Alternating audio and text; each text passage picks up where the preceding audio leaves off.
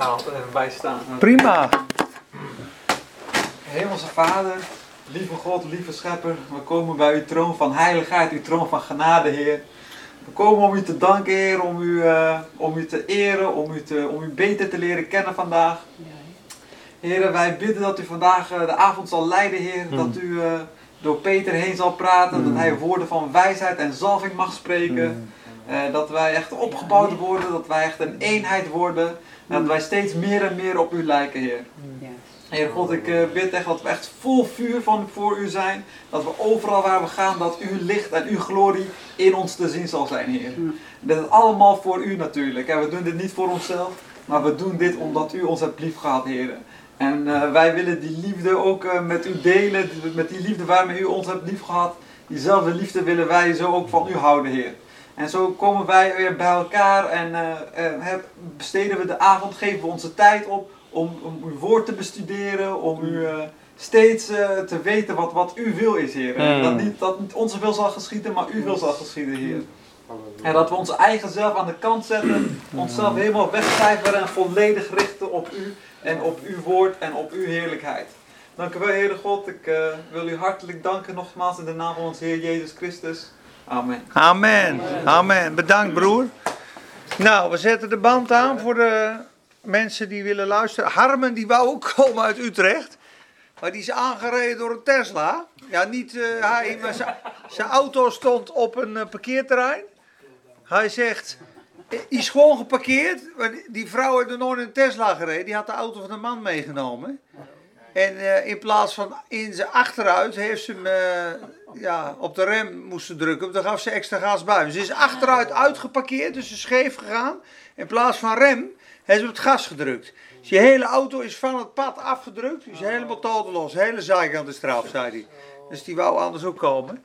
Maar eh goedenavond allemaal, jongens. We gaan beginnen. Ook eh, als de mensen online kijken, welkom. Harmen zou misschien online kijken. Nou, we zien je. Ik denk dat allemaal wel wat anders is dan opzet. Nee, Harmen die vindt het allemaal prima. Oké, nou we zijn vorige keer geëindigd bij eh, eh, Uit God geboren. Daar had ik een hoop teksten klaarstaan. Die heb ik niet allemaal kunnen behandelen. Ik had die wel in mijn notes. Maar ik denk voor vanavond, als ik dat ga behandelen, die laatste vier, vijf stappen, dan zijn we drie kwartier verder. Dan komen we heel erg eh, karig eh, bij de volgende les. Dus als we volgende week wat beter gestationeerd zitten en wat meer eh, voorbereid, we om Gaat toch 7 uur hier. Nee, ja, maar we gaan volgende keer zet ik even wat neer dat ik lekker kan zitten. Dat dat het licht goed is. Dan ben ik ontspannen en heb ik overzicht. Nu ook. Het is een beetje beholpen natuurlijk. Hè? Een Lieverd, maar je dat hartstikke goed, kom op. Ja, jongen, maar, maar, maar, maar het is toch fijn als je, als je lekker zit. Ja, ik ben niet, eh, ik ben niet gestrest hoor. Maar eh, ik zou je zeggen dat ik volgende week een bureau meeneem. En, en een mooie bureaustoel. Dan gaan we regelen gewoon. Oh, maar, eh hey Sharonne, hallo. Doekie, hoe is het? Harme, kijk ook, zie je dat? Goedenavond Harme, ik heb net je verhaal verteld. Glorie, Jelte, rustig. ja, ja, ja. Oké, nou we gaan eh, eh, 1 Johannes beginnen te lezen. We beginnen gewoon in vers 1, vers 1. Eerste Johannesbrief, eerste vier versen. Wat gaan we doen? Even deze vier versen bestuderen. Dat is het onderwerp van de brief, de twee punten die hij aanhaalt. Daarna gaan we vers 5 tot hoofdstuk 2 lezen. Dat zijn de condities voor de gemeenschap met God en elkaar. En we gaan eerst het onderwerp doen. En we hebben vorige keer dus besproken geboren uit God. Uit God geboren. Wat houdt dat in? En eh, we hebben heel veel teksten gelezen. En we gaan vandaag ook mooie verhalen lezen. Maar we beginnen. En het heet wandelen in het licht. Daar begint Johannes ook mee. Hij begint eh, over het licht te spreken. Dat zul je straks merken. En heb ik vorige keer ook al genoemd. Hij heeft vijf synoniemen. Die komen terug in 1 Johannes en Johannes. En dat zijn de woorden waarheid, liefde, leven, licht en woord. En we hebben vorige keer gezegd, als je het over het woord hebt, dan heb je het altijd over de waarheid. Want het woord is de waarheid. Wie in de liefde, wie in de duisternis leeft, wie zijn broeder haat bijvoorbeeld, ja, zit in de duisternis, die zit niet in het licht. Maar wie zijn broeder lief heeft, zit in het licht. Dus het licht en de liefde zijn ook één. Het leven komt daaruit voort, uit de liefde. Het woord is leven, het woord is liefde, het woord is waarheid. Dus Johannes begint ook in zijn andere brief. Het leven was het licht van de mensen. Dus als je als je, je afvraagt.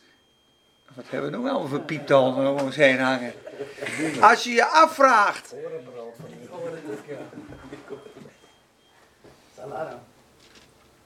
Als je je afvraagt waar de pieptoon vandaan komt, dan moet je eventjes uh, je profetische antennes aanzetten, want dat weet ik niet. Nee, maar als je dus afvraagt wat is waarheid, dan moet het corresponderen met het woord, met licht, met liefde, met leven. En daar gaan we straks gaan we meer over zien. Ik begin te lezen. 1 Johannes 1, vers 1. Wat er was vanaf het begin, wat wij gehoord hebben, wat wij gezien hebben met onze ogen, wat wij aanschouwd hebben en onze handen getast hebben van het woord des levens. Want het leven is geopenbaard en wij hebben het gezien en wij getuigen en verkondigen u het eeuwige leven dat bij de Vader was en aan ons is geopenbaard. Wat wij gezien en gehoord hebben, verkondigen wij u, opdat ook u gemeenschap met ons hebt. En deze gemeenschap van ons is er ook met de Vader en met zijn Zoon Jezus Christus. Deze dingen schrijven wij u, opdat uw blijdschap volkomen wordt. Daar hebben we vorige keer ook over gepraat. Jongens, als onze blijdschap volkomen wordt. Er zijn meerdere uh, redenen waarom Johannes schrijft. Maar dat je blijdschap volkomen mag worden is een van zijn hoofddoelen. En dat is ook waarom wij hier zitten, jongens. Dat is waar Gods leven voor bedoeld is. En ik heb vanmiddag nog gestudeerd. Ik heb eigenlijk de hele dag gestudeerd. Ik heb aanbeden, gebeden en gestudeerd. En ik heb uh, de vraagstukken uh, neergelegd voor mezelf. En ik heb ook mooie inzichten gekregen van andere mensen. Maar wat ze eigenlijk zeggen is, de eerste Johannesbrief, dus gewoon het evangelie van Johannes, dat praat over Jezus die ons eeuwige leven wordt. Geloof in Jezus en je krijgt eeuwig leven. Nu, een Johannesbrief breidt daarop door. Die zegt eigenlijk, je hebt nu dat eeuwige leven gekregen. Hoe cultiveer je dat leven? Hoe blijf je in dat leven? En wat is het doel van dat leven? Dat eeuwige leven wat in je woont. En dat beschrijft hij in de eerste verse. Wat wij gezien hebben, wat wij aanschouwd hebben, wat wij aangeraakt hebben, wat we gehoord hebben, het woord des levens. We beginnen over het woord des levens. Dat verkondigen wij u. Dat leven was bij de Vader. Zie, het is Jezus. Dit eeuwige leven verkondigen wij u. En daarna gaat hij over gemeenschap praten. Want onze gemeenschap is met God en met de Vader. En wij willen dat jij ook met ons gemeenschap hebt. Dus het doel en het onderwerp van de brief, eerste brief van Johannes is het eeuwige leven en de gemeenschap met God en met elkaar.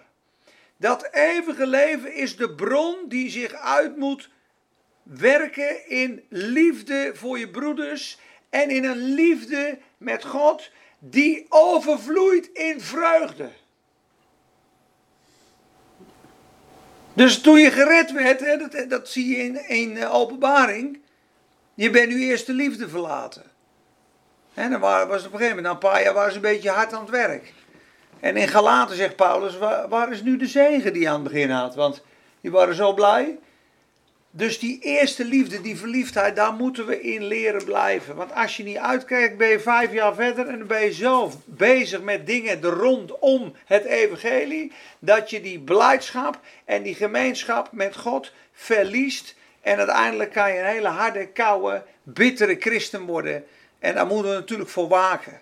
En, en Johannes is eigenlijk de scherven van Paulus aan het repareren in deze brief. Want Paulus is op een gegeven moment in 60, 70 na Christus weggegaan bij de gemeentes. En toen zei hij, jongens, er komen straks wolven, die zullen de gemeente niet sparen. Er komen mannen uit uzelf met grote woorden en predikingen en die zullen uh, discipelen achter zich vergaderen. En er is een apostasia aan verval en een scheuring geweest. En dit is 90, 95 na Christus. En hij herinnert ze er weer aan. Hij injecteert ze, joh, dat eeuwige leven. Heer Jezus. Die liefde, die vreugde. Daar wil hij dat ze bij terugkomen. Dus dat is het doel en het onderwerp van die brief. Dat je het eeuwige leven hebt zegt hij in 1 Johannes 5 vers 13. Hè, ik schrijf u deze dingen opdat u weet dat u eeuwig leven heeft. Zeg het maar even hardop jongens allemaal. Ik heb eeuwig leven.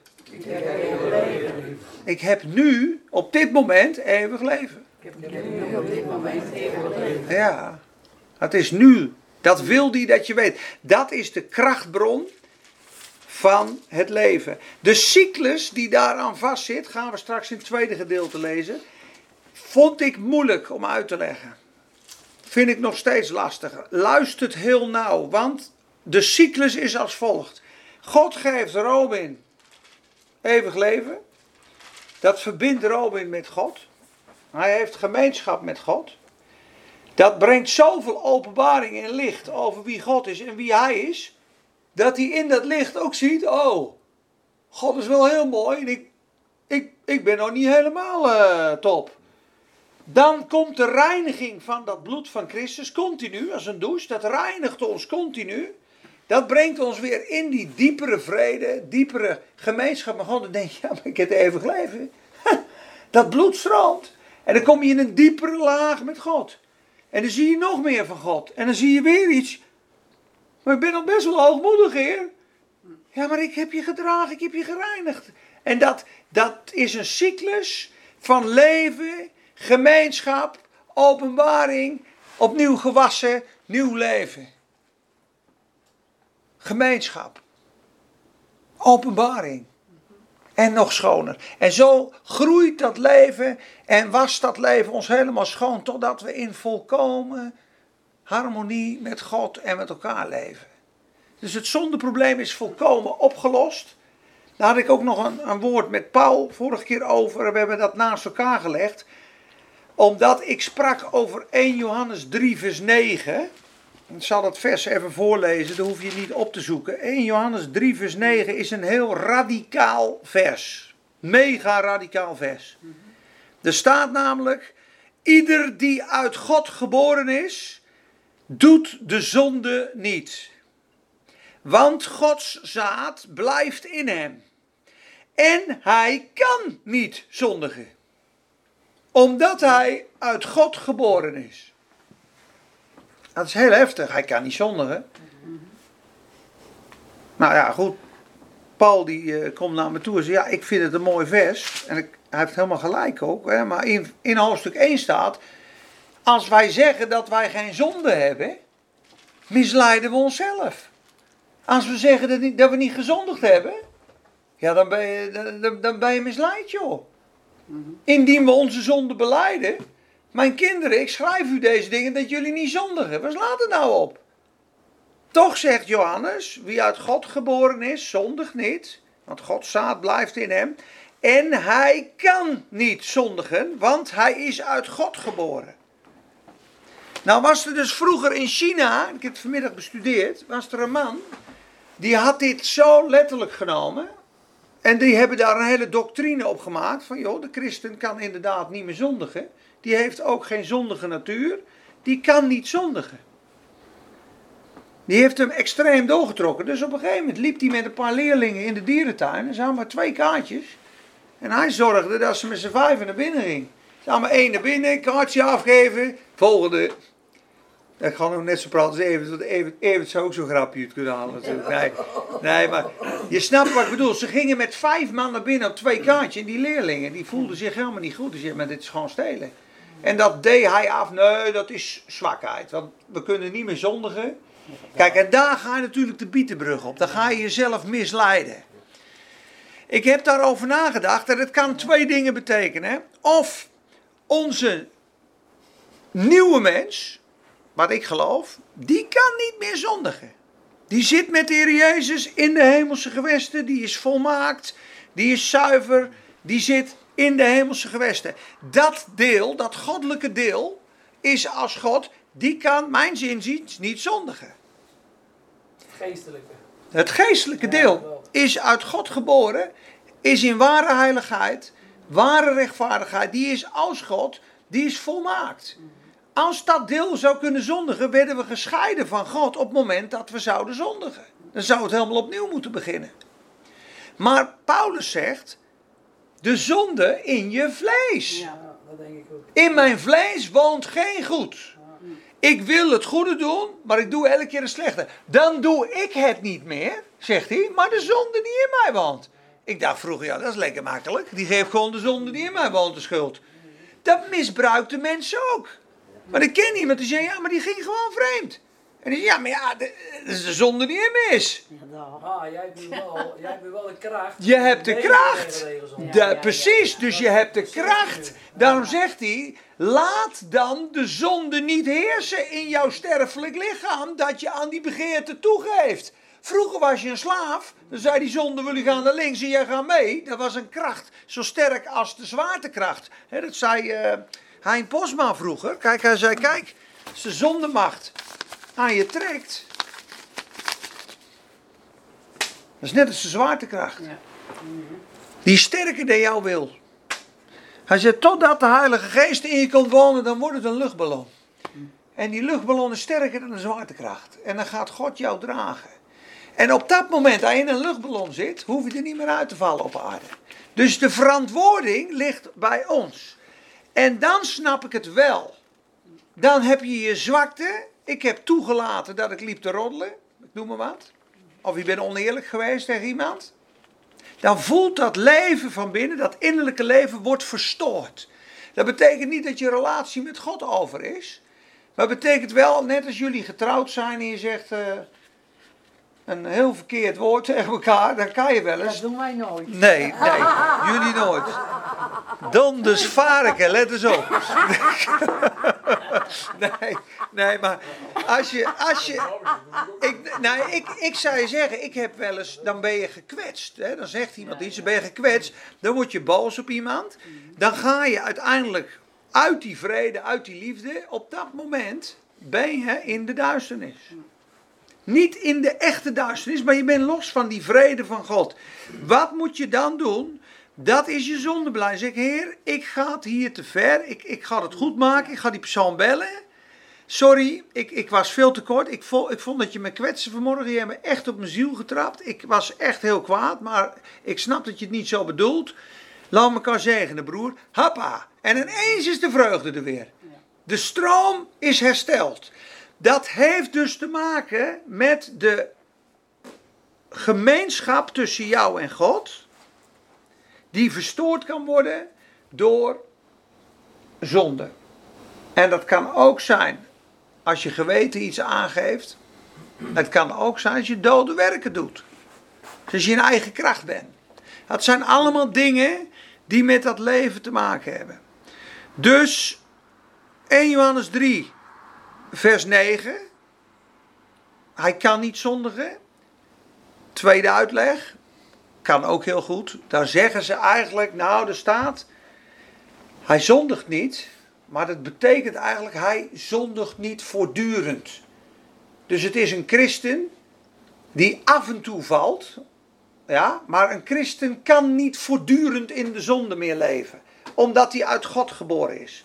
Dus ze, ze zeggen, hè, hij maakt er geen vrijwillige levensstijl van om te zondigen. Want Gods zaad blijft in hem. En hij kan ook niet in de zonde leven. Want hij is uit God geboren. Met andere woorden, dan gaat het leven van God zo protesteren. Van jongen, wat ben je aan het doen? Dat kan niet. En dat zei vroeger ook iemand. Een christen kan nooit goedkoop zondigen. Want dat geweten begint te spreken. Op een gegeven moment kan je niet eens meer ademen of slapen. Je wordt gewoon Spaans benauwd. Dat zei bijvoorbeeld ook Jaap Dieleman, die vroeger altijd het winkeldiefstal deed. Had nooit geen last van, totdat hij als christen, toen dacht hij nou, dat, dat fles shampoo neem ik even mee, want ik heb geen geld bij me. En dat deed hij dus. En dan werd hij me toch een partij overtuigd van zonde. Wel 20, 30 keer heftiger dan vroeger, zei hij. Ik ben helemaal Spaans benauwd, werd ik. Zo contrasterend tegen dat inwendige leven. Dus dat moeten we goed begrijpen. Wij kunnen als christenen nog steeds zondigen. Door toe te geven aan je vlees. Ja, door je karakter niet te laten vormen. Ja, en je kunt zelfs zondigen op religieuze wijze. Dus zonder de Heilige Geest dingen voor God doen. Ja, daar moet je ook van gereinigd worden. Daar spreekt Hebreeën 9 over. Gaan we niet, nu niet in het bijzonder op in. Maar laten we het zo zien. In onze natuur zijn wij volmaakt. Dat zegt de Bijbel. We zijn gekocht en betaald. Zo wit als sneeuw. Volmaakt in Christus. Gezeten met Christus in hemelse gewesten. Zit je daar nu? In de geest zit ze in de hemelse gewesten. Denk het, ja. In de lichaam zit ze hier op aarde. Dus Gree groeit naar de volmaakte staat die ze is in haar geest. Ze gaat worden wie ze is. En dat goddelijke leven, die connectie maakt ze met Jezus in de hemel. Want de Bijbel zegt, zoek de dingen die boven zijn. Dus we leven als hemelburgers. Met die geestelijke connectie, ja, stroomt die ladder van genade, stroomt van de hemel door haar heen. Dan komt die geest, net als thee. Theezakje van de geest, ze maakt helemaal vol van de Heilige Geest. Ze danst op straat, ze bidt voor mensen, ze lacht. En het leven van Christus in haar is een gemeenschap met God. Die is begin al te lachen, zie je dat? Halleluja. New wine. Maar moest nagaan, ja, halleluja. Keep drinking, zou ik zeggen. Don't think, drink, zou er onder laat zijn. Oh. Maar moest nagaan dat die stroom van dat leven constant stroomt. Hè? Dus eeuwig leven vanaf die troon. De gemeenschap met God, de gemeenschap met anderen. En, en ze ziet nog meer. En ze ziet nog meer. En ze denkt, Heer, oh, wat ben u groot. En dan legt de Heer de volgende dag even de plek, vinger op de zere plek. Klein beetje snoeien, lieve, dat je nog meer vrucht draagt.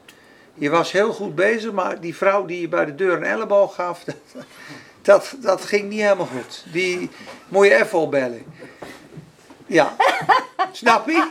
Dat bedoel ik maar te tonen met het leven van Christus wat stroomt door ons heen. En dat goddelijke leven beschrijft Johannes. En dat wil hij bekendmaken. En om eeuwig leven te ontvangen zit geen conditie aan. Dat is uit genade gegeven, dat staat vast, dat is onveranderlijk, dat is ook onconditioneel.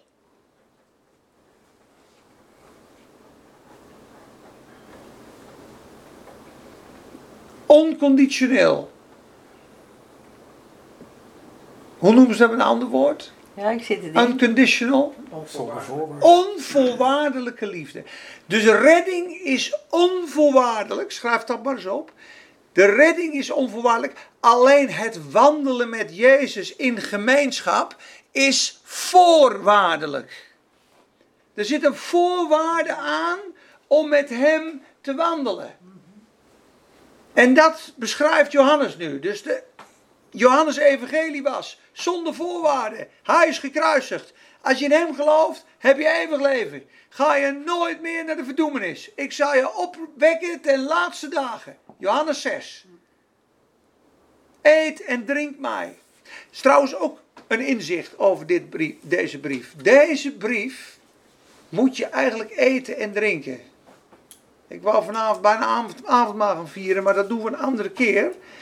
Deze brief kun je bestuderen, zei iemand. Dat is mooi. Je kunt allemaal lekker lezen. Maar dat is hetzelfde zei als je bij een bruiloft komt. In een hele mooie tafel met allemaal biefstukjes. En je gaat met een kookboek. Ga je daar een studie over het eten zitten houden. Zonder dat je ook maar één hap neemt.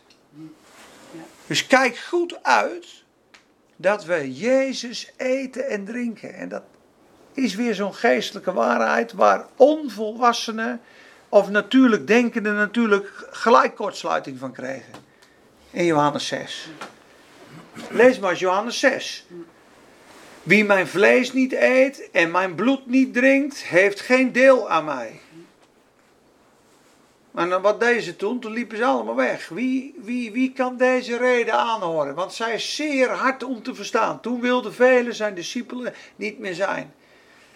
Als u niet drinkt van mijn bloed en eet van mijn vlees, heeft u geen deel aan mij. Wat betekent dat, mensen? Die vraag stel ik. Dan wil je niet met God leven. Maar wat betekent het om hem te eten en te drinken? Hoe drink je Jezus? Gewoon het woord lezen. Bestuderen. bestuderen. Zijn woorden, ja. Dat zegt hij. Want mijn woorden zijn leven en geest. En zodra je zijn woorden eet, eet je hem. Want hij is het levende woord. Dan eet je van de boom des levens. Dus nu, wat wij nu doen, is Christus eten. Kleine hapjes. Met vork graag. Even, Ja. Of zit je liever met stokjes? Nee, etiketten. Nee. Ik hou van etiketten. Oké. Maar daar groei je van, daar word je van opgebouwd. En uiteindelijk, bij een kind, en daarom zegt de Bijbel, verlangt naar de pas, hè, als pasgeboren baby's, naar de onvervalste melk van het woord, dat je daardoor mag groeien. Nou, melk is gewoon licht voedsel van de Bijbel. Is gewoon simpel onderwijs. Hè. Jezus houdt van hij is voor je gestorven, hij is aan het kruis gestorven. Nu je de Heilige Geest, dat is melk. Nu zijn we al een beetje aan ligaatjes en krekketjes. Zijn dit. Ik zal niet zeggen dat we met, eh, met gerookte paling gelijk aankomen en biefstukken en, eh, en metworsten en zo. Maar dit is al wat verder gevorderd. En hoe meer je eet en drinkt van de Heer Jezus, hoe meer je verandert in de Heer Jezus. En dat is het einddoel. Dat we vrucht dragen, perfect. Daar wordt God in geëerd. Dat we veel vrucht dragen. Dat we succesvol zijn en gezegend, perfect jongen, mooi. Dat je een vrouw en kinderen in huis hebt, hartstikke mooi. Maar straks, alles wat je ziet, is tijdelijk. Alles wat je niet ziet, is eeuwig.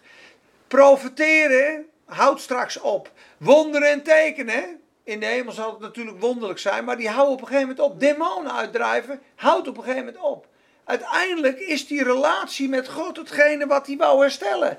Niemand komt tot de Vader dan door mij. Dan zullen we voor eeuwig met de Heer zijn. Dat moet het voornaamste zijn van ons christelijke leven. Dat ik verliefd ben op de Heer Jezus. Dat ik met mijn broeders in verbinding ben. Ik hou van ze. En ik heb een levensstijl die in lijn is met dat goddelijke leven. Dus het, het, het uitzicht in goddelijke heiligheid, goddelijke liefde, goddelijke gerechtigheid. Totdat hij jullie en mij kan maken en bouwen als koningen en priesters in een nieuwe stad, in een hemels Jeruzalem. In een expressie. En Gods essentie is liefde en Gods expressie is licht. Daarom praat Johannes over licht. En dat gaat hij nu lezen in vers 5. Daar begint hij mee. Zijn eerste ding wat hij over God vertelt is licht. Let maar eens op. En ook in Johannes 1 gaan we straks even naar het gewone evangelie. Dus we beginnen nu even in 1 Johannes 1 vers 5. Amen. Halleluja. In Jezus geloven is ook een kruis dragen in deze wereld. Dat is niet makkelijk, dat klopt. Als je voor de Heer Jezus staat, dan kunnen ze je wel eens vervolgen en tekort doen. Maar geloof mij, elke diepere laag van vervolging brengt een diepere laag van de heerlijkheid van Jezus. En als je dat gaat zien, ga je zelfs God danken in de verdrukking. Hè? Romeinen 5, vers 2 en vers 3 is dat. Maar nu begint hij in het licht wandelen, staat erboven, tweede kopje. Dit was eigenlijk een inleiding voor de avond. We gaan nu pas beginnen. In het licht wandelen. En dan komt hij. En dit is de boodschap die wij van hem gehoord hebben. Dit heb Johannes van Jezus gehoord. Dat, en die verkondigen wij aan u, dat God licht is. En dat in hem in het geheel geen duisternis is. En nu begint hij die valse leren al te tackelen. Als wij zeggen dat wij gemeenschap met hem hebben en wij toch in de duisternis wandelen, liegen wij en doen de waarheid niet. Dit is die leer, Dat ze vroeger zei, joh, al leef je in de zonde, je kunt gewoon gemeenschap met God hebben. Dat maakt helemaal niet uit. Een koffieshop hebben en een gun en een beetje schulden, en, en dat kan gewoon. De Heer Jezus is zo vol liefde, die, die wijst niemand af, die veroordeelt niemand, die is ook gekruisigd. Dat kan gewoon. Nou, Johannes zegt hier, dat is iemand die liegt. Die doet de waarheid niet. Die wandelt in de duisternis, die gaat niet in het licht. En die zegt, ik heb gemeenschap met God. Dat is een leugen. Je kan dus geen gemeenschap met God hebben als je in het duister wandelt. Daarom zeg ik, gemeenschap met God is voorwaardelijk. Het leven van God gekregen, eeuwig leven, is onvoorwaardelijk. Daar kon jij niks aan doen, want je was een vijand, je was verloren, je lag in een greppel als een schaap en een ander moest jou redden. En hij heeft jou gered. Niet omdat jij deed, maar wat omdat hij deed. En uit genade heb je dat ontvangen. Maar nu ben je in de luchtballon vol van de Heilige Geest. En dan kan je kiezen. Ga ik me laten vullen met de Heer Jezus? Of ga ik mijn eigen pad? Laat ik me verleiden door de wereld, want die trekt nog wel. Lekker wifi, die belt. Sorry, sorry.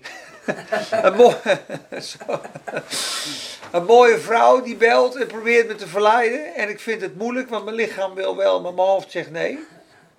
Dat zou kunnen. Je kan natuurlijk een zakendeal op je pad krijgen. Heel aantrekkelijk. Maar je zit een luchtje aan. Vroeger zei je, heeft dat te maken. De boel aan zitten. Oh, dat is niet goed. Daar hebben we zo gelachen. Maar dat was grappig bedoeld. Maar je, je, je, je begrijpt wat ik bedoel. De Satan is erop gespitst om dat leven te vernietigen in jou. Die ziet dat je licht geeft, dat je straalt. Die wil dat verleiden. Daarom gaat die brief aan de andere kant over tegenover het licht. Wat staat er tegenover het licht? Duisternis. Wat staat er tegenover de waarheid? Leugen. Misleiding. Wat komt er tegenover de zalving? De Heilige Geest die je leert. De antichrist. Het hier hierover.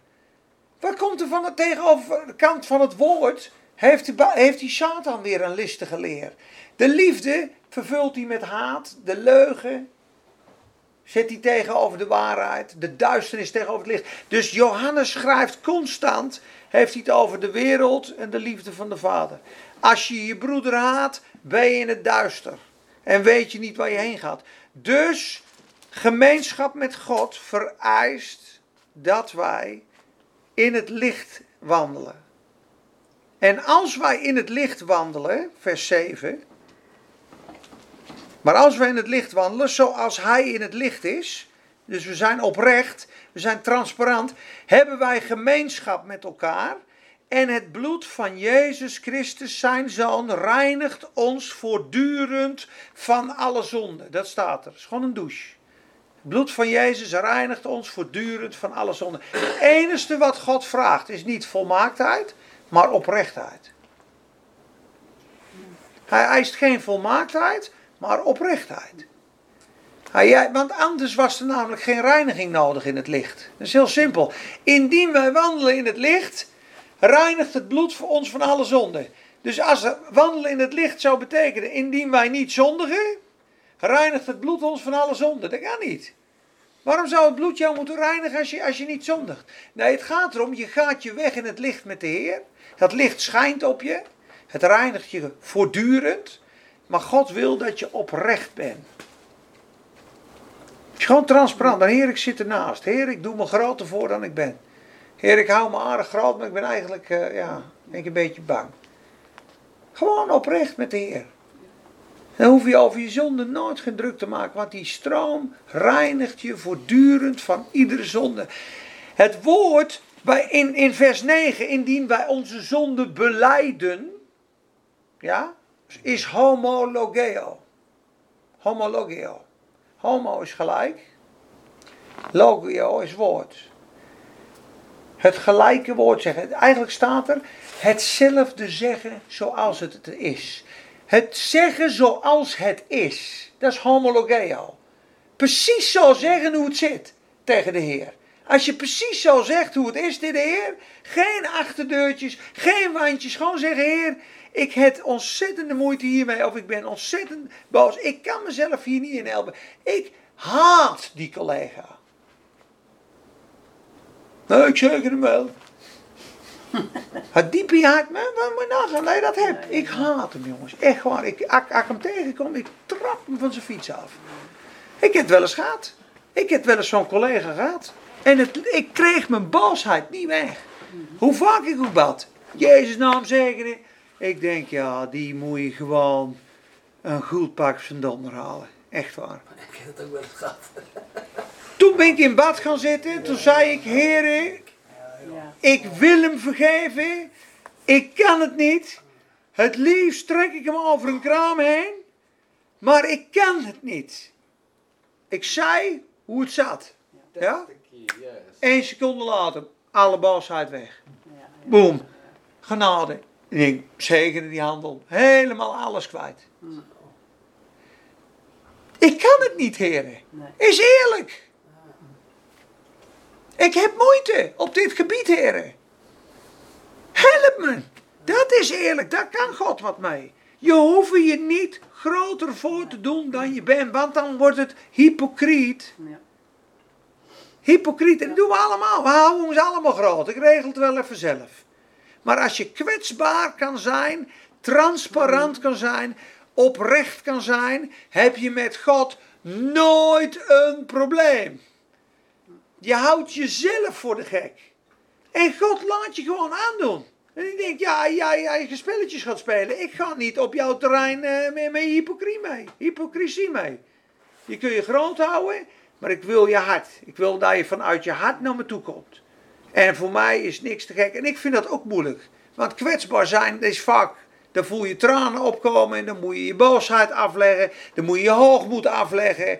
Je pauzeren het wel eens. eh, Komt wel goed. We rennen wel door. Hou je maar groot. Maar als jij de liefde van God echt in je hart wil ontvangen. En je wil het uitdelen. Dan zal je in oprechtheid en openheid moeten wandelen. Want de reiniging van het bloed is alleen in het licht. In het licht. Indien wij wandelen in het licht, reinigt zijn bloed ons. Als je in de duisternis blijft, je bent stiekem, vrouwtje erbij, beetje gokken, beetje stiekem. Er is geen reiniging. Dan kun je zeggen, ja, hier vergeef me. En dan zegt hij, ja, maar je, je moet echt naar het licht komen, vriend. Want je zit, je, je houdt je zonde vast. Dat kan niet. Dat kan echt niet. Ik heb nu, er is een situatie, die man die, die denkt dat hij van de Heer voor twee vrouwen moet zorgen. Ja, ja. De Heer zegt dat ik voor twee vrouwen moet zorgen. Nou, die is zwaar in de misleiding Ja, natuurlijk. gewoon in de avond had er ook een hoop vrouwen. Maar wat gaat er gebeuren? Die man moet een keer op zijn knieën vallen en oprecht tegen God zeggen Ja. wat er is. En die kan ze eigenlijk wel voor de gek houden, maar dat is dus wandelen in de duisternis en zeggen het is goed met God. Ja. Maar je leven spoort niet met wat je zegt. Dan ben je misleid. Dan ben je de macht van de Satan. Dan wandel je in de duisternis en weet je niet waar je heen gaat. En dat verergert. Want de Satan, dat is net een braaier en een haker. Die heeft de volgende steek alweer klaar liggen voor je. Dat had ik vroeger ook altijd met mijn drugstijd. Altijd een feestje om je op vast zit. Altijd drie dagen een afspraak. En die weer, en die weer, en die weer. Het is altijd een week zit je klem. En dan denk je, ja, ik ga, ja, maar ja, ik heb toch kaarten voor het feestje. Ja, ja, ja. Ze is er wel klaar voor, hè? Ja, ja, ja, dan doe ik een andere keer wel. Dan stop ik een andere keer wel mee. Het is altijd dat. Dus als je los wil komen van de zonde, zul je echt op je knieën moeten vallen en dingen los moeten laten. En zeggen, Heer, hier ben ik. Hier ben ik. Dan ben je een held hoor. En dan komt de bevrijding, dan komt de stroom van het leven, dan komt het licht, dan komt de blijdschap weer. En dan kun je vrucht dragen. Want als je in gemeenschap met God bent, wat krijg je van gemeenschap? Kun je nieuwe kindertjes van. Als je gemeenschap met Gods liefde hebt, krijg je ook nieuwe kinderen, nieuwe vrucht. In je leven. Dan draag je vrucht. Dan stroomt zijn liefde. Als wij zeggen dat wij geen zonde hebben, misleiden wij onszelf en is de waarheid niet in ons. Als we onze zonde beleiden, als we zeggen hoe het zit, is Hij getrouw en rechtvaardig om ons de zonde te vergeven en ons te reinigen van alle ongerechtigheid. Heer, ik zat ernaast. En je hoeft niet te gaan speuren en zoeken naar zonde, want God, als je echt onder overtuiging komt, dan, je, dan voel je je onrustig, dan voel je een zware wolk. Het is niet dat je hoeft gaan spitten met een vergrootglas, heb ik nog een zonde. Dat is het niet. Het is geen sin consciousness. Het is niet een, eh, een, eh, een overgevoelig, uh, zou ik ergens een foutje gemaakt hebben. Dat is het niet. Als je gewoon recht voor God staat, dan reinigt zijn bloed jou. Als je vertrouwt op de Heer Jezus, is er geen veldje aan de lucht. Maar zodra je willens en wetens merkt, joh, ik ga het echt over een grens in. Ik ga iets doen wat ik niet goed gedaan heb. Of ik heb een gigantische ruzie of een aanvaring. Of ik ervaar gewoon absoluut geen vrede. Dat is het moment dat je naar God gaat. Want anders ga je, noemen ze navelgazing, navelstaren, introspectief word je dan. Dan ga je in je vlees zoeken naar de fouten die er nog niet zijn. Of die, de dingen die nog niet allemaal goed zijn, dan gaat het echt mis. Daar moet je voor waken. Want wij zijn echt geliefde kinderen en gewassen in zijn bloed, zo schoon als sneeuw. Hij is de verzoening voor onze zonden. Ja. Mooi. Dat was dat stukje inleiding. Nou gaan we eventjes naar. Hoe laat is het? Gaat sneller de tijd, hè? Ja. Hoe lang ben we nog al bezig? 40 minuten alweer. Dus kijk hoe snel het gaat, hè? Maar ik vind het is al 40 minuten. Mooi dat je dat zegt. En ik denk, als we dat elke keer herhalen, van het is niet de volmaaktheid die het hem doet, maar die Oprechtheid. Oprechtheid. Dat, dat constant ja, herhalen. Ja, de wet eist volmaaktheid. En, en God vraagt alleen oprechtheid. Ja, dat vind ik gewoon fantastisch. Ja. Ja. Echt, dit is echt mooi, maar ook om steeds te herhalen. Ja, oprecht. Wees oprecht. Ja. Ja joh, dat is goed joh. Doe je eventjes lekker even een, een hapje en een sappie. Dat is toch goed. Neem voor mij maar een glaasje water mee iemand als het kan. Mensen, als er vragen zijn tussendoor. Hé hey Kaat en koken, schat, hoe is het? Als er vragen zijn tussendoor, moet je ze ook gewoon stellen hoor. Ik had wel een vragen, maar ik ben het vergeten. Ja, waar? Op zoek vergeten te hè? Je denkt een beetje wat ik zeg straks nog even, als het klaar is, nou prima. Nou. Klopt wel wat hij zegt. Nee, nee, nee. Ja. Dit is waar woord wat hij vertelde. Ja, ja, ja. ja, nee. ja. Maar aan deze kant Wijn en schoon. Dat Ja, maar dat hebben we allemaal gehad. En allemaal uh, in het huis geleefd. Ja, nu weet je inderdaad. Nu kun je die keuze maken. Wordt, Henk Robben, hoe is het? Sommigen die blijven dat is ook niet handig, hè? Dat wou ik vragen, Peet. Sommige, heel veel mensen lopen blind door het leven. Hoe kan dat dan? En, en, en, dan wil je helpen, maar ja, lukt het gewoon niet. Dankjewel. Omdat die gewoon tevreden zijn met het leven. Dat ze denken dat ze zo ja, Maar zijn dat kinderen van God of, of, of ongelovigen? Ja, maar ja, dat... Maar die wil je dan helpen. Ja, maar dat, de, de God van deze wereld heeft hun gedachten verblind dat ze het schijnsel van het evangelie niet kunnen zien. Dus wat ik gaan we straks over hebben, dat komt zo langers. En jij moet een sterke man over hun leven gaan bidden, binden. Watchmanie had dat ook. Die had allemaal mannetjes op show. En we preken en we preken en we preken. En niemand kwam er toch geloof. Werd hij helemaal gefrustreerd, na een jaar lang. Toen zei iemand, ja, je, je, je begint verkeerd. Je moet eerst de sterke man binden. Dus de duivel. En dan kan je dat huisraad roven. En toen is hij dus gaan bidden voor al die mensen. Ging hij ze zegenen, de duivel bidden, binden. En dan kwam hij met de evangelie. Ineens weer die oren open. 70 van de 72 leerlingen te geloof. In een jaar. Een jaar later had hij 70 mensen bij de En de oren zaten dicht, de ogen zijn bedekt. Ze horen je niet. Ze kunnen het niet horen. Hoe kon wij dat dan wel Omdat God Johanna raakt heeft. Er is waarschijnlijk iemand voor je beden. Ja, dat klopt. Dat is heel lang geleden, dat weet je toch nog wel? Ja. Ja, leuk te zien. Ja, ik denk dat een bouw met I love Jesus. dat is zo mooi. En iedereen verklaart die. en Jongens, zullen we er weer, eh, weer bij komen? Anders dan... iedereen eh, verklaart die van geen halve Ik zei van dat hij het klopt. Hij Ja, maar kijk, dat, dat doen ze ook veel, weet je. Maar dat zie je ook wel eens op tv, hoe vaak zie je geloof. En een programma en dan is het... Huis Roots, kijk ook mee, jongens. Hoe is het in Zweden? Ah, van vriend. boven, zeggen ze dan. We zijn ongelooflijk. Tot volgende week. Gaat iedereen, Jouke? Ja, Ik hoop het wel. Het is wel de bedoeling. Oh, leuk. Jouke komt naar je toe. eh. Gooi me vast, gooi me vast een, eh, een wak open. Alle- Ja, precies, ja. Hakken maar. Haak je maar vast met die... een moeder of een broertje of noem maar op, dood is, ja. Gaan ze zingen op tv of zo. Robin, kom je zitten? Ja, mijn vader is net overlegd, maar die kijkt mee op mijn... uh, naar tv. We gaan naar het evangelie van Johannes, jongens. Dan gaan we nog even een stukje over licht en openbaring praten. Dus je wandelt in het licht en je... Ah, mooi toch? Ben je live? Ik denk, doe, pak een echootje mee. Ja. Dat is iets. 1 Johannes hebben we gehad, nu gaan we naar Johannes 1. We draaien hem even om. Dus 1 Johannes, gaan we naar Johannes 1. En nu gaan we het een klein stukje hebben voor de mensen. En het is jammer dat Marjan er niet is, want ik had een beetje aan Marjan gedacht. Die wou ook graag licht ontvangen vanuit de Bijbel. Dat ze leest dat je licht ontvangt. Dus misschien kan ze terugluisteren. Oh ja, wat zou ik zeggen, als neem ik het op.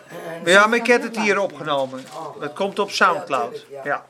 Maar nu gaan we het hebben over wandelen in het licht en licht ontvangen. Dus als je in het licht wandelt, zie je openbaring. Je gaat geestelijke ogen gaan open. En als je geestelijke ogen open gaan, dan kun je dus ook de verborgen zaken van je hart kunnen ook geopenbaard worden. Dus je kan zomaar in het licht erachter komen dat je gigantisch jaloers bent op iemand. Dat kan, hè? Dat heb ik gedacht. Oh heer, sorry, ja, dat is... Oh. Moest je kijken, ja, want ik reageer altijd kort op hem als hij voorbij komt. Dus zit diep in mijn hart zit eigenlijk dat je jaloers bent dat hij meer dan Ming verdient. Dat ik nooit in de gaten gehad. Dat kan. Hij met God wandelt. Daar hoef je niet te schrikken. Dat is gewoon een bevrijding. Ik moet zeggen, prijs de Heer. Had ik het noorden zijn. Dus het licht schijnt. Maar ook schijnt het dat je de noden van mensen ziet. Je kan in het licht van God van alles ontdekken. En de Bijbel gaat open. Ik begin. In het begin was het woord. En het woord was bij God. En het woord was God. Dit was in het begin bij God. Alle dingen zijn door het woord gemaakt. Dat is Christus, hè? Zonder dit woord is geen ding gemaakt.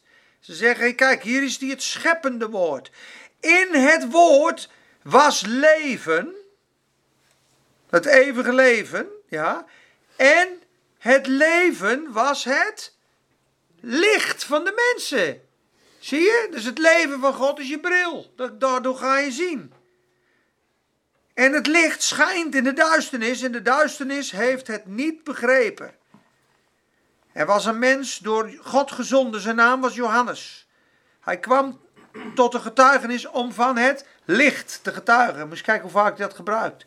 Opdat allen door hem geloven zouden. Hij was het licht niet, maar was gezonden om van het licht te getuigen. Dit is het waarachtige licht, dat in de wereld komt en ieder mens verlicht.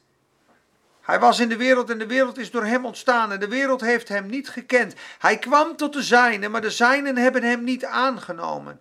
Maar allen die hem aangenomen hebben, heeft hij macht gegeven kinderen van God te worden. Namelijk die in zijn naam geloven. Die niet uit bloed, niet uit de wil van het vlees, ook niet uit de wil van een man maar uit God geboren zijn. Dus hier zie je dat hij het over het licht heeft. Als ik nou een stukje doorga. In Johannes 8, vers 12, je mag meekijken hoor. Staat weer boven Jezus als het licht der wereld. Jezus dan sprak opnieuw tot hen en zei: Ik ben het licht van de wereld. Wie mij volgt, zal beslist niet in de duisternis wandelen, maar zal het licht van het leven hebben. Hoe blijf je in het licht? Door Jezus te volgen. Door Jezus te volgen. Wie is Jezus? Het licht van de wereld. Wat is Jezus nog meer? Grote vriend. Onze grote vriend. Wat is hij nog meer? Redder. Wat begonnen we net mee, Johannes? Het woord. Het woord. Zie je? Dus als je blijft in het woord, blijf je in Christus. Als je blijft in het woord, blijf je in de liefde. Als je blijft in het woord, blijf je in het licht. Als je blijft in het woord, blijf je in het leven. Blijf je in de geest. Dat is de graadmeter. Hoe meer je onderworpen bent aan dit woord, hoe meer je onderworpen bent aan Jezus. Hoe meer van dit woord geopenbaard is, hoe meer openbaring je hebt van Jezus. Hoe meer dit woord in je gegroeid is, hoe meer Jezus in jou gegroeid is. Totdat je één met het woord bent. Ben je één met Jezus. Heilig hen door uw woord. Uw woord is waarheid. Dan zie je de synoniemen, dat licht, leven, liefde, waarheid, woord, dat dat allemaal hetzelfde is. En ik heb het vorige keer een keer tegen iemand gezegd, en dat is pijnlijk als je daarmee worstelt. Maar als er twee mannen of twee vrouwen zijn die die gevoelens hebben, dat is niet een zonde, die gevoelens. Maar zodra twee mannen en vrouwen samen in een relatie gaan zitten, twee mannen, ja, en dat als liefde gaan bestempelen, en een seksuele een, eenwording hebben, ja, dan valt het ineens onder zonde. Volgens de Bijbel. Is moeilijk, willen ze niet horen. Dan zeggen ze love is love. Ja, love is love. Oké, dan gaan we even kijken met de synoniemen of dit klopt. Want de liefde is de liefde, zeggen ze. Is het liefde, dan moet het ook leven, licht, waarheid, woord zijn. Ja? Wat zegt het woord erover? Doet niet mee. Wat zegt het licht erover? Weet ik niet, twijfelgeval. Wat zegt de liefde erover? Weet ik niet, twijfelgeval. Wat zegt het leven erover? Brengt het leven voort? Nee. Nee. Als het geen leven voortbrengt, staat niet in het woord, kan het ook geen licht, kan het ook geen liefde zijn. Kan het ook niet van God zijn. Het is niet hemels. Het is geen huwelijk vanuit de hemel. Snap je? Dus dat, als je dat niet meer kan neerzetten, dan ga je dus iets wat de Bijbel veroordeelt als overtreding zonde, ja, dat ga je bestempelen als iets heiligs en goeds en mooi. Ja, wat gebeurt er dan? Dan krijg je dus misleiding, krijg je dus leugen, krijg je dus duisternis, krijg je dus haat, krijg je totale chaos. En het einde daarvan is de dood. Dat is Satan, dat is hele listige misleiding. Maar die mensen voelen zich dus echt zo. Die hebben echt die gevoelens. Ze geloven, God heeft mij zo gemaakt. Dit is goed. Dit mag er zijn. Is heel begrijpelijk.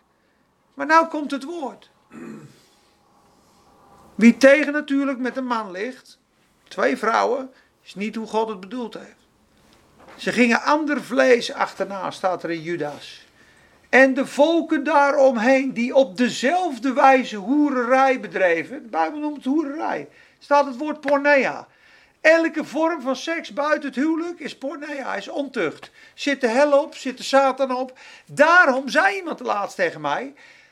Dat klopt, zei hij. Want zodra ze die gevoelens hebben, is er niks aan de. Maar zodra ze een relatie hebben, dan zie je ineens die geest binnenkomen, zei hij. Dan zie je ze ineens veranderen. Dan willen ze niet meer naar de kerk. Dan willen ze niet meer bij het licht horen. Dan wordt het te moeilijk. Tenzij jij zegt: nee joh. Dat is niet meer voor 2022 natuurlijk. Hè. Dan gummen we er wel even uit. Want God vindt het gewoon allemaal goed natuurlijk. Het is gewoon liefde. Het is gewoon licht. Het is gewoon waarheid. Het is gewoon top joh. Het woord, ja, die Bijbel, die moet je niet zo nauw nemen hoor. Ik bedoel, uh, dit is 2000 jaar geleden. Ja, dan ga je de Bietenbrug op. Dus dat woord is een licht, is een zwaard, is een waarheid. Het is niet leuk om te horen, maar dit is de waarheid van Gods woord. Hier werd Stefanus omgestenigd hoor. Om zo'n woord over de, over de wet. Die zei gewoon, hij woont niet in een, in een huis met de handen gemaakt. Hier al, dat heilige tempeltje van je. Daar woont hij niet. En jullie hebben de wet helemaal nog nooit gehouden. Die hebben jullie gebroken. Daar gaat hun eigen gerechtigheid. Daar gaat de heilige huisjes. Wie van de profeten hebben uw voorvaderen niet vermoord? Nog één. Altijd wederstaat uw lieden zich tegen de Heilige Geest. Toen besten hun harten. Stoppen ze de vingers in de oren. Gooiden ze hem dood. Om het woord van God. Hij had de maling aan hoor, Stefanus. Die sprak gewoon hoor. En zijn, zijn gezicht was als een engel.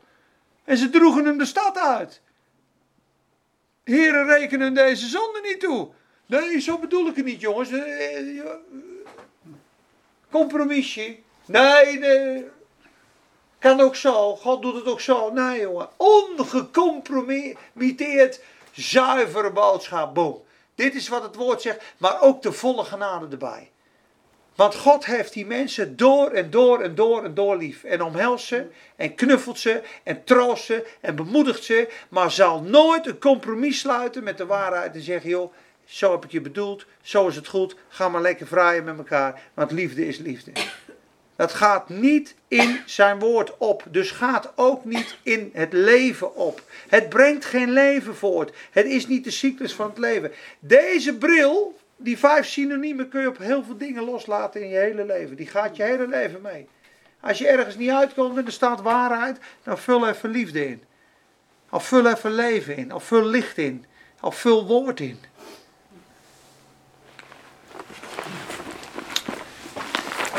Wie mij volgt, Jezus volgt, zal geen zins in de duisternis wandelen, maar zal het licht des levens hebben. Mooi hè? Wie is het licht van de wereld? Jezus. Jij. Dan kom ik. Ja, ja, maar ik krijg les hier, hè? Ik krijg les. Ik krijg les. Johannes, nee, eh, Johannes 9, vers 5. Johannes 9, vers 5. De Heer Jezus zegt, zolang ik in de wereld ben, ben ik het licht van de wereld. Dus toen hij op de aarde was, zei hij, ik ben het licht van de wereld, volg mij, dan zul je niet in de duisternis wandelen. Maar toen zegt hij daarna, zolang ik in de wereld ben, ben ik het licht van de wereld. Maar wat zegt in Matthäus 5? Gij zijt het licht van de wereld. Dat is van de lighthouse. Een stad op een berg kan niet verborgen blijven. Wij zijn het licht van de wereld. Jij bent ook het licht van de wereld. Zodra Jezus van de aarde is, komt hij in jou wonen. Is het licht van de wereld in jou. Maar jij bent nu het licht van de wereld. Maar God gaat stralen door jou heen. Zolang ik in de wereld ben, ben ik het licht van de wereld. Apart hè? Ja. Durf je te zeggen, ik ben het licht van de wereld? als God het zegt, dan durf ik het zeggen. Nou, laten we het zeggen, ik ben het licht van de wereld. Licht van de wereld. Ja. Ik ben het zout der aarde. Geestelijk, Dat gaat groeien en dan ga jij schijnen. Dus eigenlijk is het heel logisch wat je zegt. Waar, nou, precies, precies. Kijk, en dan heb ik, krijg ik er een kleintje lang, langes tussendoor. Wat zegt Filippenzen zo mooi? Volgens mij is dat Filippenzen 2 vers 15. Ga ik Even kijken. Waaronder gij schijnt als lampen, staat er ook. Ja. Ja. Opdat u onberispelijk en oprecht zult zijn, kinderen van God, smetteloos te midden van een verkeerd en ontaard geslacht, waaronder u schijnt als lichten in de wereld. Amen. Wij moeten schijnen. De, de wereld ligt in duister. Als wij niet schijnen, zien ze helemaal niks. Dus wij kunnen hun dan wakker maken. Ze moeten het licht bij ons zien. Ja. En als wij niet schijnen, dan zien ze helemaal niks.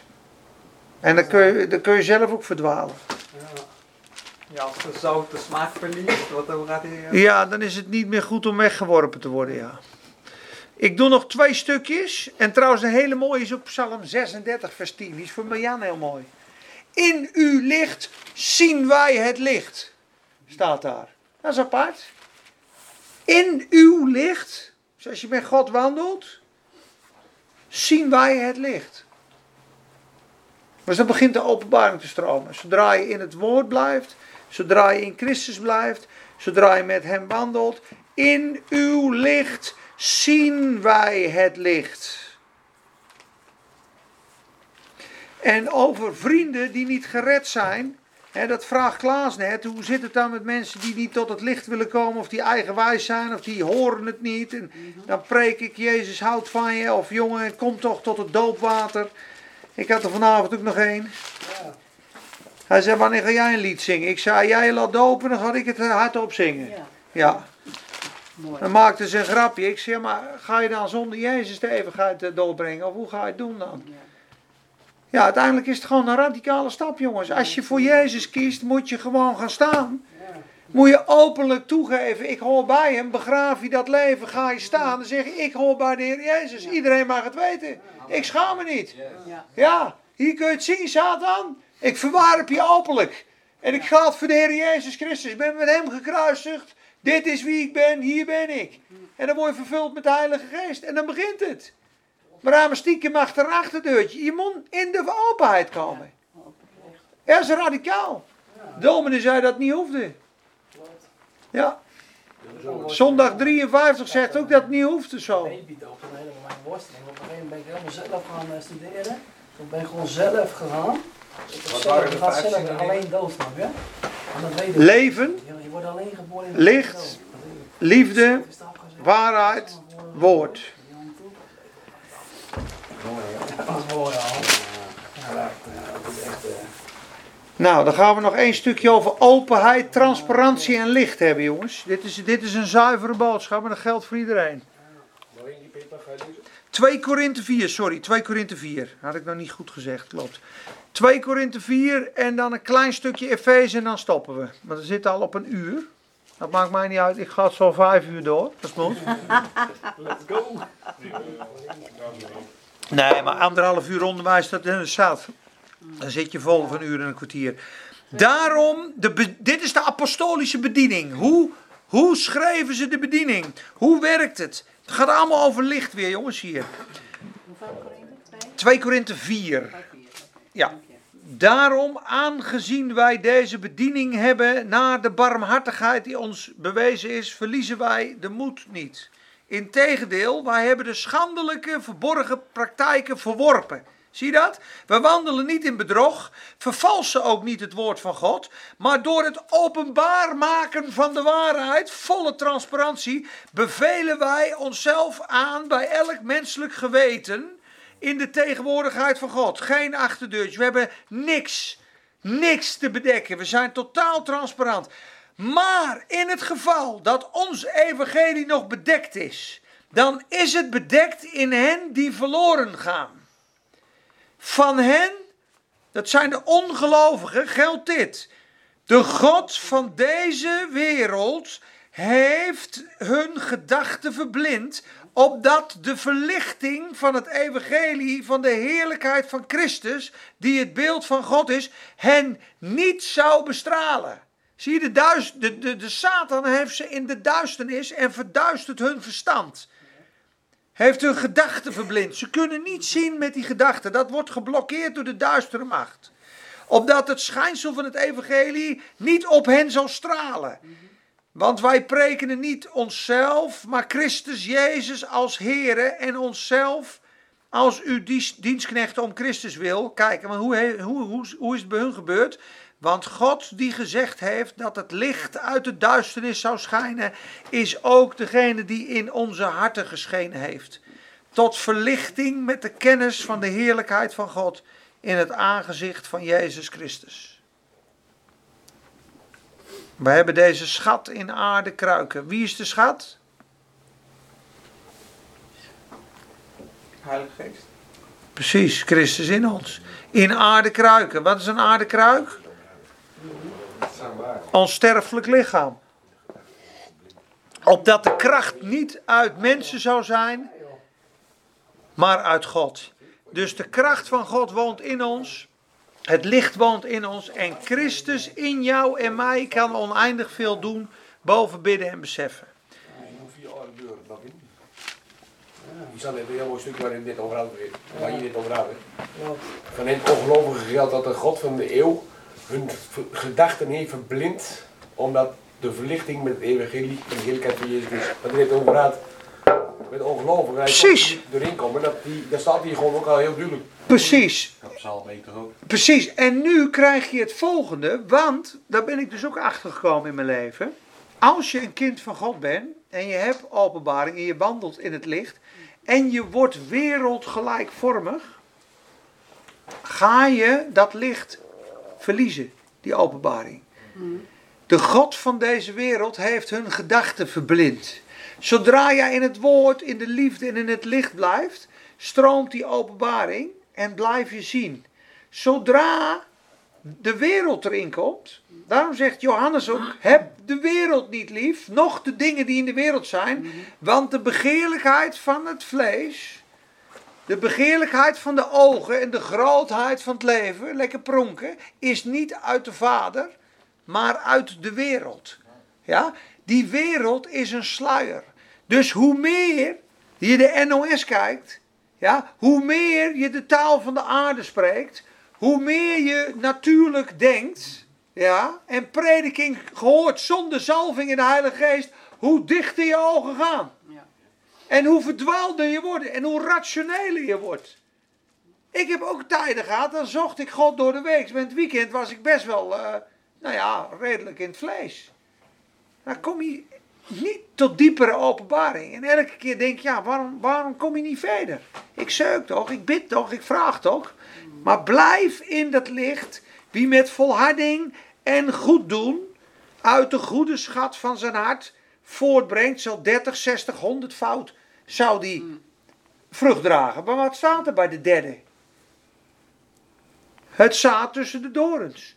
De zorgen van dit leven, de pleziertjes, de rijkdom en de wereld verstikken het woord. En hij wordt onvruchtbaar. Heb ik het niet over dat je geen kind van God bent, maar je bent onvruchtbaar. Je komt niet tot volle bloei als je dat werelds gelijkvormigheid niet gaat overwinnen. En ik dacht vroeger, ja, maar ik ben toch een kind van God, ik hoef toch geen punten meer te scoren. Moet ik dan aan de wereld al overwinnen, dan ben ik dan extra lief en extra mooi. Word ik daar meer, eh, word ik daar beter van dan? Ik leef er gewoon. Maar als je vrucht wil dragen, als je in zijn koninkrijk wil groeien, zul je die gemeenschap, daarom zeg ik, Gods genade is onvoorwaardelijk, Gods gemeenschap is voorwaardelijk. En het heeft een prijs om hem na te volgen. Neem dan dagelijks uw kruis op en volg mij. En dan zul je het leven vinden.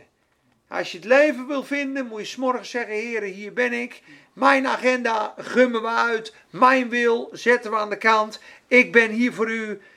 En ik sta in uw licht en in uw woord. En zeg het maar, Heer. Leid mijn leven, vul mijn leven. Geef dat ik. Ik wil bij u wandelen. Ik wil u volgen. Ik wil u uitdrukken. Ik wil de duivel en de hel slopen. En ik wil, ja, Yes. ik wil blijven in u.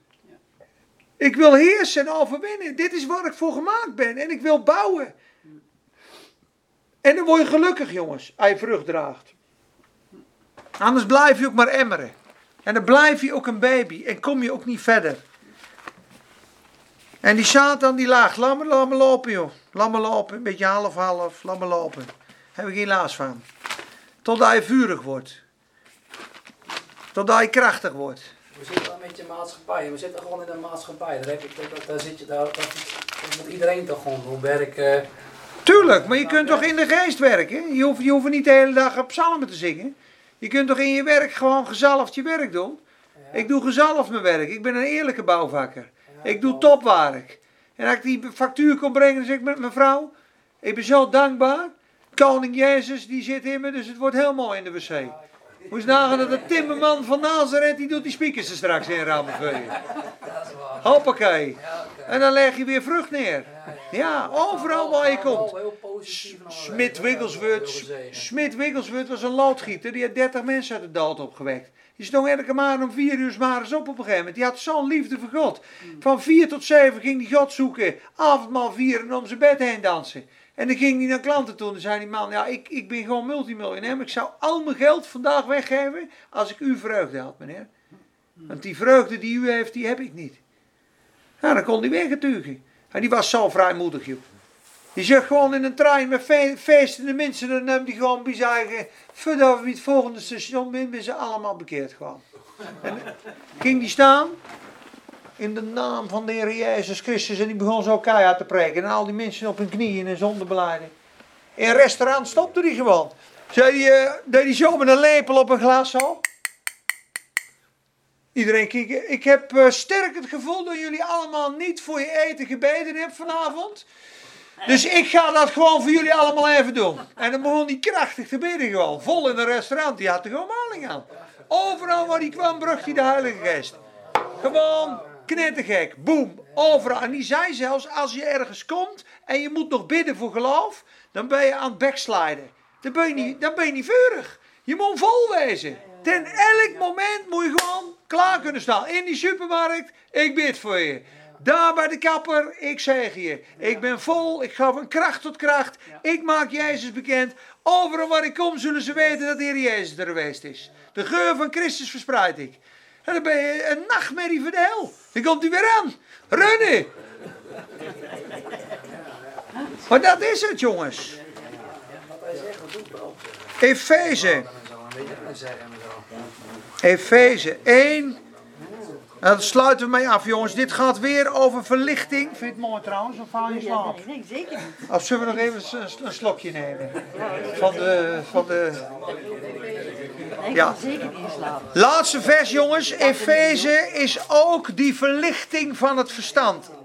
En daar ga je gewoon lekker thuis om bidden. Ook deze is weer voor Marjan. Dus echt een speciale les voor jou, lieverd. Echt waar. Speciale les voor jou. Ik heb erover nagedacht, lieverd. Efeze 1, vers 15 tot en met 23. Eigenlijk wel, ja. Ik denk dat we hem helemaal moeten lezen. Ja, ja. We zijn er nu toch. Dit gebed bidt bijvoorbeeld Tom de Wal elke dag over zichzelf uit. En dit verlicht de ogen van je verstand, zegt hij. In het Grieks staat er eigenlijk hart. Dus als de ogen van je hart verlicht worden, dat je mag zien wat je allemaal hebt gehad. Dat bidt hij. Paulus bidt dit. Die zegt joh, tegen die Efezes, jullie hebben alle zegeningen al ontvangen in vers 3. Ja, alle zegeningen van de Vader, de Zoon en de Geest. En toch bidt hij, ik bid, kijk maar eens wat hij bidt. Daarom, omdat ik ook gehoord heb van het geloof in de Heer Jezus onder u en de liefde voor alle heiligen. Dus je gaat goed, je, je houdt van elkaar. Houd ik niet op voor u te danken als ik u in mijn gebeden bedenk. Opdat de God van onze Heer Jezus Christus, de Vader van de heerlijkheid, u de geest van wijsheid en openbaring geeft. Ze hadden alle zegeningen al, maar deze komt bovenop de zegeningen. Een geest van wijsheid en een geest van openbaring. Dat hebben we nodig, als geen ander, allemaal. Dat we wijsheid en openbaring krijgen. Namelijk, wat is die geest van wijsheid en openbaring? Verlichte ogen van je hart. Of van je verstand. Dus dat je gaat zien. Om te weten wat de hoop van zijn roeping is. De vaste, zekere hoop van zijn roeping is ook zijn redding. Dus ik zie dit als dat je weet wat de hoop is van je redding. Met andere woorden, dat je ziet, je bent een kind van God. Zijn roeping zal meer zijn, maar heel veel mensen vullen hierin jouw roeping. Wat de hoop is van jouw roeping. Ja, jouw roeping. Ja, dat je dan evangelist bent en wat dan de hoop daarvan is. En wat, nee, zijn roeping. Wat is de hoop van zijn roeping? Dat zijn al die dingen wat hij beschreven heeft in vers 3 tot en met vers 14 in hoofdstuk 1. Dat is zijn roeping. Dat hij je gekocht heeft, dat hij je geroepen heeft, dat hij je een zoon gemaakt heeft, dat hij je verzegeld heeft, dat hij je gekroond heeft, dat hij alles met je gedaan heeft. Hij heeft jou geroepen, hij heeft jou gezegend, hij heeft jou uitgekozen en hij wil dat je ziet hoe de hoop, de vreugde, de zekerheid van die roeping, wat hij jou allemaal gegeven heeft. Hoe rijk je bent in Christus. Zie je dat wel? vraagt hij. Daar bid ik voor, dat dat gaat zien. Wat is de hoop van zijn roeping? En wat is de tweede? Wat is de rijkdom van de heerlijkheid van zijn erfenis? in de heilige. Waar zit de erfenis? In de heilige. Hij zit in Teun, hij zit in Robin, hij zit in Serop. Maar nou komt het. Als die erfenis alleen voor jou is, is leuk. Maar wat nou als jouw doorbraak in mijn erfenis zit? Moet je nagaan dat jouw erfenis, jouw stuk van Christus, ja, nodig is voor mijn doorbraak. Want hij heeft heel veel liefde en wijsheid en is profetisch. Hij kan het woord goed onderwijzen, maar zij is heel bemoedigend. Maar ik ben allemaal individualist, individualistische christenen, wat we vandaag de dag zien. Ik heb God, ik heb de Heilige Geest, ik heb de zegen, ik heb een mooie baan en verder moet je me met rust laten. Want ik heb ruzie met mijn broeder. Maar ik, dat is hetzelfde. Als je een gezin hebt met acht kinderen. Ze zijn allemaal succesvol. Maar die kinderen kunnen op een verjaardag niet bij elkaar zitten. Want ze zijn altijd woorden. Dat, is, dat breekt het hart van een vader. Je bent mooi, je bent gezegend. Maar nee joh, ik heb een plan dat jullie samen zijn. De erfenis in de heilige. Die erfenis is collectief. Als jullie samenkomen, daarom hebt hij straks van joh, als jullie hecht aan gesmeed zijn, dan ben je de lengte, de hoogte, de breedte en de diepte van Christus. En dan wordt het één grote mooie wasdom en een lichaam. En daarom moet je elkaar lief hebben. Want anders kom jij niet verder. Dus de doorbraak kan wel eens in je broeder zitten.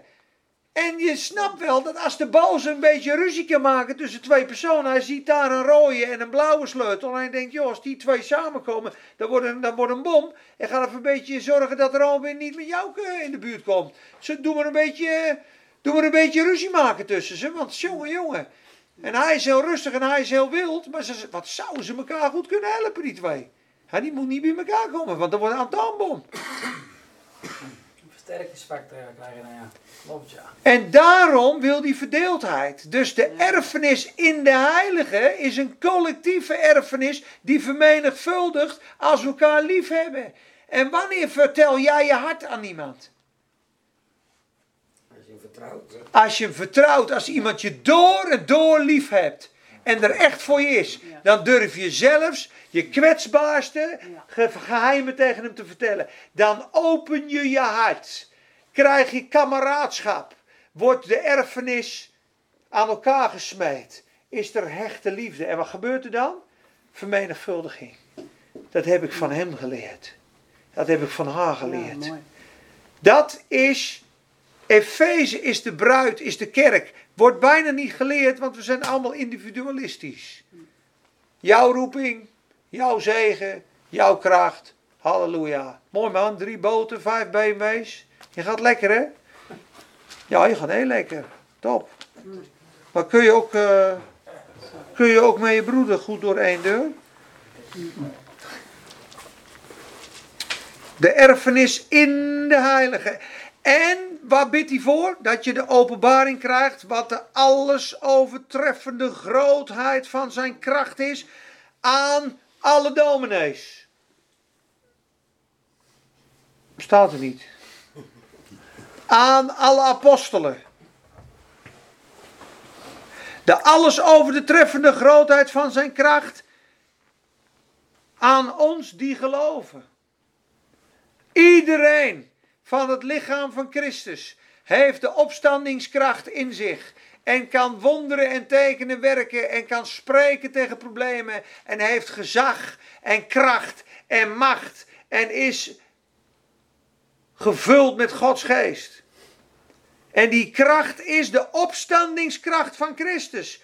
Want die kracht is overeenkomstig de werkte van de sterkte van Gods macht, die hij werkte toen hij Christus uit de doden opwekte. De opstandingskracht van Christus is in ons. Het zit er allemaal bij ons in. Maar bij wie komt het nou het hardste eruit? Het komt het hardste eruit bij diegenen die daar de openbaring over hebben. Verlicht de ogen van je verstand. Dat je mag weten wat is de hoop van zijn roeping. Dat je mag weten hoe groot en hoe rijk die erfenis is in de heilige. Dat je mag weten hoe overtreffend groot die kracht is aan ons die geloven. Dat moet je weten met je hele wezen. En dat kan je pas weten als je erover mediteert en spreekt en bidt en in blijft en in blijft en in blijft en in blijft en in blijft. Totdat het zo'n werkelijkheid in je geworden is dat het een deel van je is. En dan is de opstandingskracht geen theorie meer, maar een levende werking. En dan kom je bij een ziekenhuisbed en dan zeg je wandelen en loop. En niet schreeuwen, ik weet het. Want die kracht heeft Christus uit de dood opgewekt. Een dood lichaam uit het graf. Alles kan die kracht. Er is geen limiet op die kracht.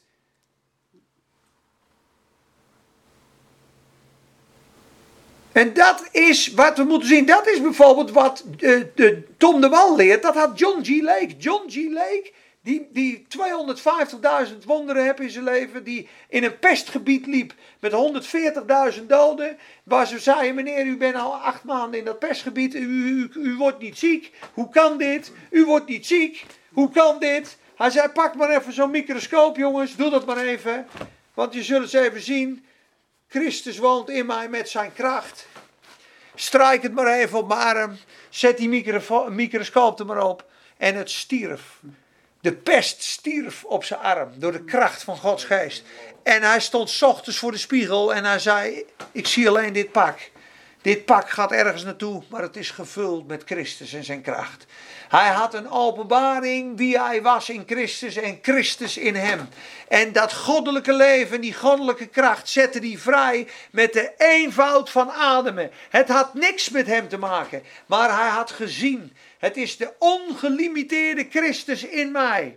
En wie volkomen volwassen is geworden als discipel, zal net zo zijn als zijn meester. Een volwassen discipel zal net zo zijn als zijn meester. Dan ben je net als Christus en daar moeten we naartoe. En we worden onderweg bezig gehouden, afgeleid, zeupieterij, afleiding, gemekker, gezanik. Als je hierin leeft, ga je de resultaten krijgen. Tom is er al ver in hoor. Ik zeg het je heel eerlijk, is 29, doet het al 12 jaar. Er komen echt rolstoelen leeg. En die, hij bidt van de week voor een jongen. Ik, hij, hij heeft het geloof al. Hij zegt, joh, let op wat er gebeurt als Jezus jou geneest. Moet je even opletten, halleluja. En hij bidt, hij wordt bewogen. Doe je hand maar achter je rug. Zie je?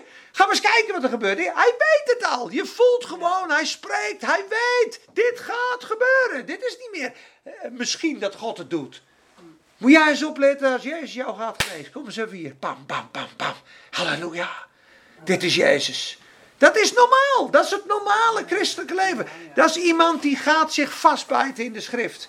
Die leest, die bidt, die mediteert. Als jij mediteert, gaat het licht landen. Alle doorbraken komen in de, in de rust. Als jij door het licht van de Heilige Geest ziet wat je hebt ontvangen, dan gaat de schellen van je ogen af. Het is niet harder je best doen, het is zien wie God is.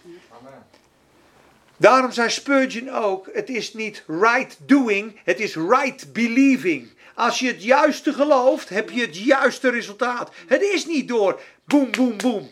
Dat is je verlangen dat je bij God wil zijn en dat je wil bidden. Het komt voort uit die kracht van het eeuwige leven. Dat je ziet, God houdt zoveel van mij. En ineens ben je vol, want je hebt het gezien. Je hebt het gezien. Het is een openbaring dat je mag zien. Dat is het jongens. Als we dat zien, krijg je de resultaten van Jezus. Waar heeft hij Jezus gezet? Ver boven alle macht alle overheid, alle kracht, alle heerschappij, elke naam. Niet alleen in deze wereld, maar ook in de toekomende. Straks wordt alles mooi. Straks ben er geen tranen meer. Straks, jongen. Nee, niet alleen in deze wereld. Ook in de toekomende. Nu is de kracht. Nu is het evangelie. Nu is, is het woord. Nu is de opwekking. God's timing is now, zeggen ze altijd in Afrika. Gods tijd is nu. Nu is het woord. Dat is het. God is nu. Zijn woord is eeuwig. Wat hij nu zegt, zegt hij nu. Die kracht, en we zitten daar, ver boven alle macht en kracht en naam die genoemd wordt. Hij heeft alle dingen aan zijn voeten onderworpen. Heeft hem het hoofd gegeven boven alle dingen aan de gemeente. Wij zijn zijn lichaam, die de vervulling is van hem die alles vult in iedereen. Hij vult jou, hij vult mij tot de volheid van Christus. Wij zitten met hem boven alle macht en kracht en heerschappij. Als je dit ziet, Rodney Houtbrown, waar ik op bijbelschool zat, die ziet dit. Die zit in de hemels geweest. Die man loopt langs. Er zit een krachtveld omheen, mensen. Ik denk een ring van vijf meter zit er omheen. Vol geladen met de opstandingskracht. Echt waar. Zo vol van kracht. Dat is een realiteit geworden. Die mensen zijn overgegaan van het natuurlijke naar het bovennatuurlijke kijken. En die zijn gaan zien in Christus en die zijn gaan zien in de geest. En die zijn gaan zien wat God gedaan heeft. En vanuit dat punt zijn ze gaan wandelen. En daar is Satan doodsbang voor. Want hij wil je maar natuurlijk houden. Hij wil je maar op aarde houden. Hij wil je maar bedekt en klein houden. Totdat je gaat zien wie je bent. Dat is het verhaal van de adelaar en de kip. Er was toen zo'n adelaar die groeide op in een kip ook, zei zo'n uh, vent, zo'n prediker. En iedereen aan me raar kijken naar hem. Wie een rare vogel, joh. En die had van die grote vleugels. En die, pak, pak, deed hij ook maar een beetje lopen, zo af die kippen aan. En iedereen lachte hem uit. Totdat hij na drie jaar een adelaar zag vliegen, zei hij. Met die grote vleugels. Toen zei hij, see you.